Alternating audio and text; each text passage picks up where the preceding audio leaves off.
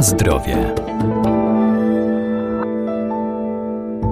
Przy zakupie artykułów spożywczych nie powinniśmy się sugerować ich szatą graficzną czy hasłem reklamowym, które mogą wprowadzać w błąd. Obowiązkowo na etykiecie żywności powinny się znaleźć m.in. nazwa wskazująca na rodzaj produktu, wykaz alergenów czy procentowa zawartość danego składnika. Specjalne oznakowania posiadają także produkty chronione i tradycyjne.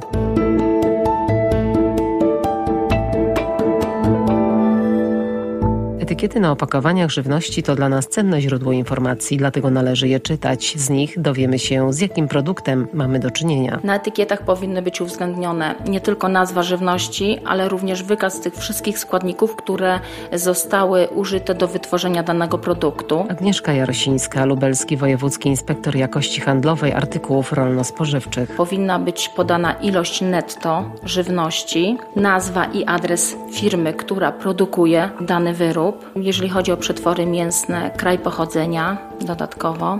No i oczywiście informacja o wartości odżywczej. Jeżeli chodzi o produkty, które są sprzedawane luzem, to informacje dotyczące danego produktu powinny znajdować się w sklepie i powinny być udostępnione y, konsumentom. Produkty mogą zawierać dwie daty, czyli datę minimalnej trwałości albo ewentualnie termin przydatności do spożycia. Data minimalnej trwałości powinna być poprzedzona sformułowaniem najlepiej spożyć przed i podana data, ewentualnie termin przydatności do spożycia, gdzie powinien być e, zapis należy spożyć do. Termin przydatności do spożycia stosuje się e, do produktów, które e, mają krótki termin przydatności do spożycia. Na zdrowie.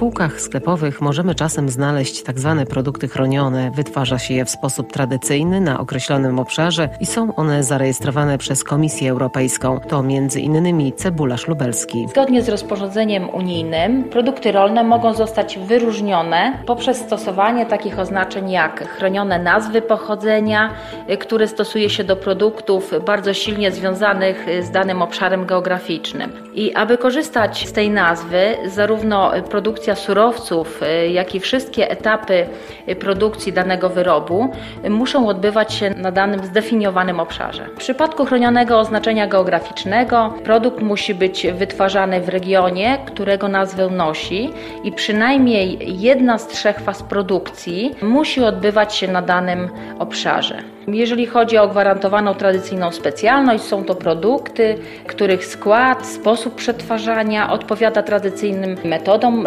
produkcji i zostały one wytworzone z surowców, które są e, tradycyjnie używane. Czyli chronioną nazwę pochodzenia e, posiada bryndza podhalańska, oscypek. Chronione oznaczenie geograficzne posiada nasz cebularz lubelski, a gwarantowaną tradycyjną specjalnością są miody pitne, staropolskie, które są produkowane na terenie naszego Lublina. Stosowanie tych oznaczeń pozwala na łatwiejszą identyfikację produktów, jak również na ochronę przed y, bezprawnym stosowaniem zarejestrowanych nazw. Oznaczenia te możemy spotkać na różnego rodzaju wyrobach i wszystko jest uzależnione w jaki sposób y, podaje producent.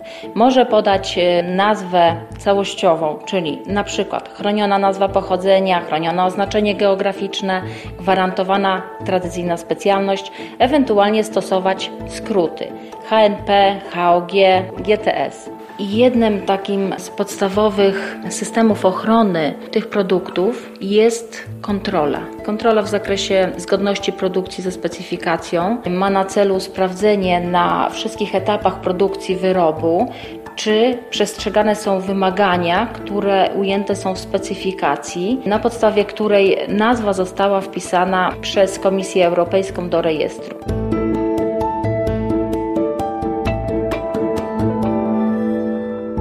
Wszelkie nieprawidłowości co do jakości produktu lub jego oznakowania możemy zgłosić do Inspekcji Jakości Handlowej Artykułów Rolno-Spożywczych. Na zdrowie.